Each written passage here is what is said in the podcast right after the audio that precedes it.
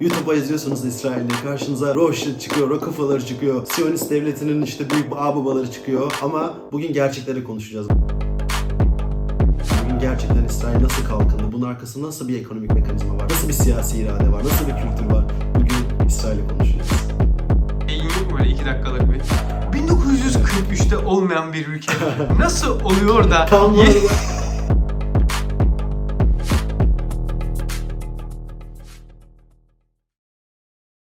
İsrail'in GDP'si 400 milyar dolar kadar ve bu kişi başına düşen milli geri 44 bin 45 bin dolar yapıyor. İsrail'in üretim kapasitesine baktığımızda ihracatının yarısı high tech'ten yani yüksek teknolojiden geliyor. Teknoloji ihraç eden Amerika'daki firmaların işte burada hangi startup var, burada hangi teknoloji üretiliyor gibi aslında gelip bu şirketler arada bir ülke noktasına gelmiş. Yani İsrail artık teknoloji ihraç eden bir ülke konumunda. Ama çok hızlı önce bir 1948'den itibaren ne yaşanıyor ona bakalım. İsrail 1970'lere kadar çok gelişmemiş bir ülkeydi ama fakir bir ülke değildi. Fakir ülke problemleri yaşamıyordu. Bu ne demek? Altyapı sorunları yaşamıyordu İsrail. İsrail'e ciddi bir sosyal ya da politik kriz yaşanmıyordu. İsrail hiçbir zaman ödemeler krizine girmedi. İsrail bir narratifi var. İsrail aslında sonradan 1948'de kurulmuş bir ülke. Holocaust ve bunun gibi şeylerle. Oradan kurulmuş bir ülke olduğu için bir kere ciddi bir Amerikan yardımı alıyor. 1970-80'lere kadar aldığı Amerikan yardımları ekonomisinin ciddi bir bölümünü oluşturuyor. Aynı zamanda Almanya'dan ciddi bir savaş tazminatı alıyor. 1950'lerde Almanya'dan aldığı savaş tazminatı ülkenin gelirinin %80'ine tekabül ediyor. Dünyanın dört bir yanından İsrailliler yani Yahudiler geliyordu.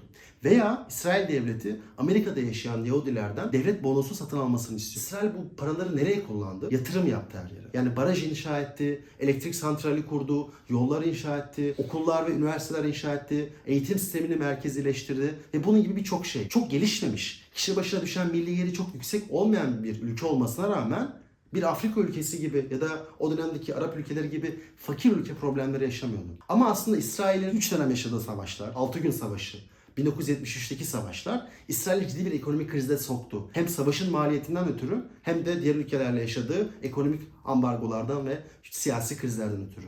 Toparlamak için soruyorum. 1970'lere kadar İsrail'in yaptığı tek şey aldığı dış yardımlarla altyapı yatırımları yapmak mı? Evet çünkü ülke kurduğunuzu düşünün. Yani orada bir ülke yok ve bir ülke var etmeye çalışıyorsunuz. Bu ülkeyi nasıl var edersiniz? Tarım stratejilerinden bürokrat yetiştirmeye, bürokrat yetiştirmeden işçi kanunları tanımlamaya kadar aslında bir ülkenin tekrar baştan yaratıldığını düşünün. 1970'e kadar o zaman güçlü bir ekonomi yok. Dışa Güçlü bağımlı bir ekonomi yok. var. Amerikan yardımları geliyor. Dışarıdaki Yahudiler senin devlet tahvillerini satın alıyor. Sürekli bir göç de var. Yahudi gücü de var. Kurulmaya çalışan bir ulus devlet olduğunu varsayabiliriz. Peki 1970'lerde ne oluyor? Petrol krizi, 1973 savaşı ve diğer Arap ülkelerle yaşadığı ambargolar ve savaşlar derken İsrail 1970'lerden itibaren ciddi bir krize giriyor. Hatta 1985 yılında o 10 yıllık krizin ardından ki buna Lost Decades deniyor. Lost Decades kavramı birçok ülke için kullanılır. İsrail'in Lost Decades de 1985'e kadar sürüyor. Enflasyon, ödemeler dengesi krizine kadar giden bir ciddi krizle karşı karşıya. Çünkü çok fazla savaş harcaması yapmış durumda İsrail 1985'e kadar. Enflasyon %400'e çıkıyor. İşte işsizlik %10, %15'e geliyor. İsrail 1985'te bir liberalleşme programına gidiyor. Dönemin bütün paradigması bunun üzerine kurulu zaten.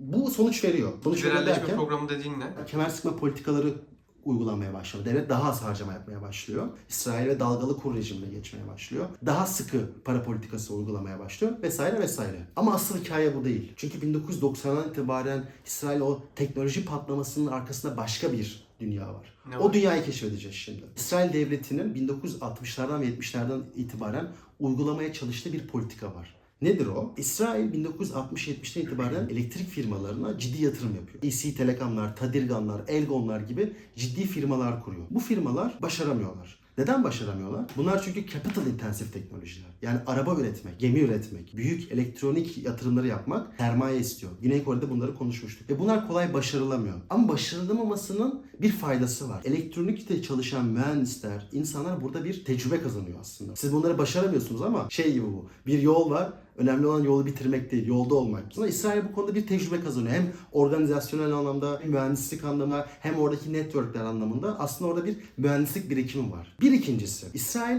eğitime ciddi miktarda para harcayan bir ülke. Küçücük bir ülke.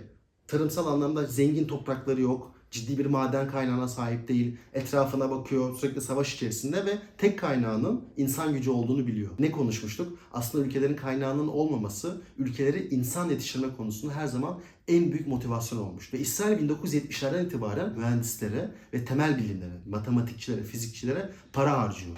Bugün bile İsrail'in şu an nüfusun %42'si üniversite mezunu. İsrail OECD ülkeleri arasında en fazla yüksek öğretime para harcayan ülkelerden biri. 6-7 tane 1970'lerde ciddi teknik üniversite kuruyor.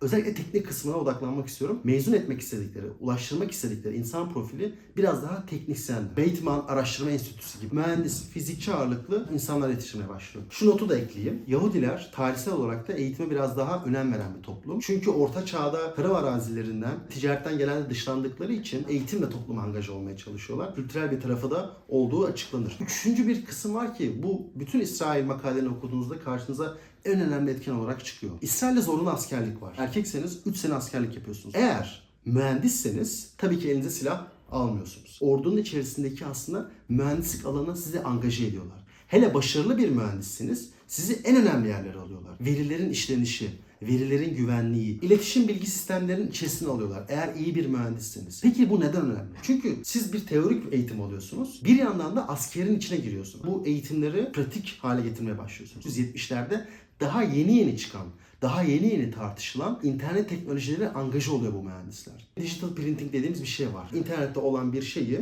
yazıcıdan basıyoruz. Bunu aslında mesela İsrailler keşfediyor. Nasıl keşfediyor? Çünkü askeriyeden gelen bir bilgiyle. Burada bir bilgi birikimi oluyor.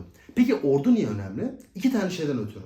Birincisi İsrail zengin bir ülke değil dedim. Ama parası olan bir kurum var. Ordu. Ordu dolayısıyla buradaki her şeye yatırım yapabiliyor ve siz de aslında elinize para imkanlarıyla bu araştırmaları yapabilen, en yeni teknolojileri kullanabilen bir noktaya geliyorsunuz. Buradan çıktıklarında kendi şirketlerini kuruyorlar. Oradaki bilgileri markete taşıyorlar. Askeri araştırmaların sonucunda orada ciddi bir bilgi birikimi ve network ağı oluşuyor. Ve 1990'larda bir patlama oluyor. Dünyanın dört bir yanındaki internet şirketleri ve diğer bütün firmalar teknik gerektiren işlerde insanlara ihtiyaç duyuyorlar. İşte tam o esnada İsrailli firmalar kendilerine bir alan buluyor, bir yıldız buluyor ve bir patlama yaşanıyor. Oraya işte o anda İsrailli firmaların anı geliyor. Şu önemli. Hayatın her alanında kendi itibarınızı kabul ettirmeniz gerekir. Bir yazardan tutun, bir edebiyatçıdan tutun, bir teknoloji firmasına kadar hep böyledir. Bugün biz Silikon Vadisi dediğimizde hepimize o büyük Amerikan şirketleri gibi. İsrail'de aslında o dönemde geliştirdiği birkaç teknolojiyle beraber kendini kabul ettirmeye başlıyor. Kullandığımız Hexting kodu İsrail'li bir firma tarafından geliştiriliyor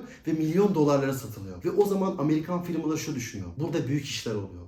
Tel Aviv'de yani Silikon Vadisi'nde İsrailli firmalar var, bilgililer, iş yapıyorlar. Biz bunları daha fazla takip edelim. İlk attığınız taştan sonra diğer insanlar sizi fark ediyor ve sizin peşinizden daha fazla gelmeye başlıyor. Amerikan firmalarının daha fazla yatırım yaptığı, daha fazla paranın aktığı bir ortam oluşuyor. Intel, IBM, Microsoft gibi firmalar İsrail'de Research and Development merkezleri açmaya başlıyor. Ne oluyor? Orada aslında sürekli bir bilgi akışının olduğunu, orada sürekli aslında bir startup ortamının olduğunu düşünün. Bugün Amerika'daki firmalara bakıyorsun. Bunlar büyük internet firmaları. Bunlar ama customer based. Yani ya insanlara bir ürün satıyorlar ya da biz ürünün kendisiyiz. Facebook'ta olduğu gibi bizim bir verimiz var ve bu veriden işlem yapıyorlar. Ama bir de bunların daha teknik bir ayağı var. İşte bunlar İsrail'le geliştirdiğini düşünün. Soru şu peki. Hindistan ve İrlanda'da aslında Facebook'un ya da diğer büyük şirketlerin merkezi oluyor genelde. İrlanda özellikle büyük şirketlerin merkezi. O zaman neden İrlanda finansal servisler değil de finansal ürünler anlamında gelişmiyor? İsrail finansal servisler anlamında gelişen bir ülke değil. İsrail'le bugün IBM'in genel merkezi İsrail'de değil. Facebook'un genel merkezi İsrail'de değil. Çünkü İsrail kendi firmalarını kendi çıkartıyor. Bu firmalar 1 trilyon dolar değere ulaşmıyor. 3-4 milyon dolar ulaşınca Facebook tarafından satın alınıyor. Neden? Çünkü o firmaların o verilerle ilgili ya da o yazılımın çalışmasıyla ilgili noktaya hizmet eden bir sunucu sağlıyor. 1990'dan itibaren patlama yaşanıyor. E, 2000'lerden olduğunu siz de tahmin edebilirsiniz zaten. 2000'lerde internet patlıyor ve internet patladıkça da aslında İsrailli firmalar daha fazla zenginleşiyor. Amerika'nın nabili olmasaydı İsrail İsrail olur muydu? Tabii ki önemli. Amerika'nın bize para vermesinden daha da önemlisi şu. Yani insanlar sizi tanıması lazım, sizi bilmesi lazım. Değil mi? Bugün biz burada bir iş yapıyorsak bizi belli bir network'ün içine sokuyor. Firmalar bizi tanıyor, firmalar bize daha fazla güven duyuyor, bize daha fazla para veriyor. Yani hem banka anlamında hem yatırım anlamında bizi aslında belli bir ticaret ağının içine sokuyor. Ama şu benim dediğim. Sizi bir yere kadar getiriyor ama siz bunu 45 binle getirdiyseniz o zaman burada İsrail'in de belli bir politikalarını incelemek gerekiyor. Benim buradaki duruşum bu. İsrail bunu tamamen kendi kendine yaptı demiyorum. 1990'lar itibaren kişi başına düşen milli gelirini 2-3 kat arttırdıysan, kendini dünyada yazılım devi olarak kabul ettirdiysen biraz İsrail'e bakalım diyorum yani. Askeri teknolojide gelişmiş olalım.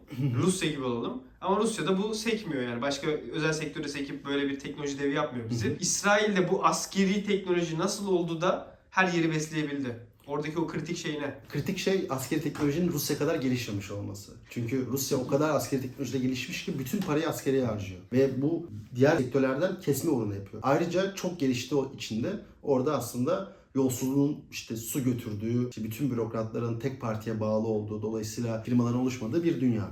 Ama tam da zaten İsrail bu yüzden gelişiyor bence de. Askeri teknoloji var ve bu teknoloji aslında belli bir sermaye yaratıyor.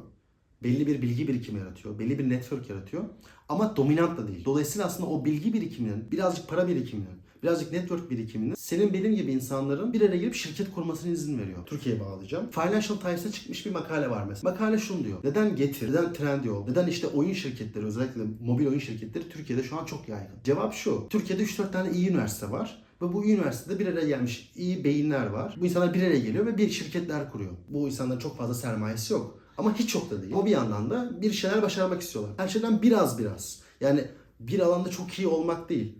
Bir alanda iyisin ve 3-4 iyi alanda birleşince o aslında o yatırım için de o şirketlerin gelişimi için uygun ortamı sağlıyor. İsrail'de de biraz böyle düşünebiliriz. Rusya çok gelişmişti askeri anlamda. Onun eksisi otokrasi olmaktı. O yüzden geri kalan bütün her şeyi bitirdi. İsrail hikayesi de aslında böyle bir hikaye. Biz siyasi olarak biraz İsrail'e angajayız ama biraz o ekonomik kısmını biraz daha anlamak gerekiyor. Ben de zaten bu kalkınma teorilerini biraz mekanizmayı anlatmak istiyorum. Videolar açıyorsunuz bakıyorsunuz şu var. İsrail kişi başına bir düşen milli geliri böyle. Teknolojide şu kadar ihracat yapıyor ama hani niye? Niye böyle oldu? Dolayısıyla aslında biraz o yüzden o bütün mekanizmaların dibine inmeye çalıştım. O yüzden hani İsrail'de bu anlamda çok garip, ilginç Orta Doğu'da olan ama aynı zamanda kafa yapısı olarak da tam Orta Doğu'da olmayan İsrail'i konuştuk. Teşekkürler öpüyorum. Bir hemen kupayı tanıtımını yap. 49W bu kadar bilgiyi ben nasıl öğrendim? Valla bu İsmail sağ olsun bana bir çay koydu. Sonra ben 49W'den bir Ne çay çay içtim. Ananaslı. İsrail İsmail'in bize yeşil çay. ananas yeşil çayı yapar. bize çok övdü. Benim de bağımlı olduğum çaydan içtim. 49B çabuk çayı bana bir anda İsrail bilgileri gökten indi. Siz de alın. Ee, güzel. Videolarda güzel çıkıyor. Millete hava atarsınız. Benim 49W kupam var sizde yok diye. Mesela bende yok. Hani düşün hani sizde olabilir. Ben ben, ben de Ben- olmazsa bende var sizde bu olur. arada, ben İşte biliyorum. İsmail'de var, bende yok falan. Alın. Alın çünkü ihtiyacımız var. Çok sizi seviyorum, seviyoruz. Kendinize iyi bakın. Kesin kesin alamayacağız bence. Son soruyu alabilecek miyiz? Yok. Alırız ya alırız. Ha.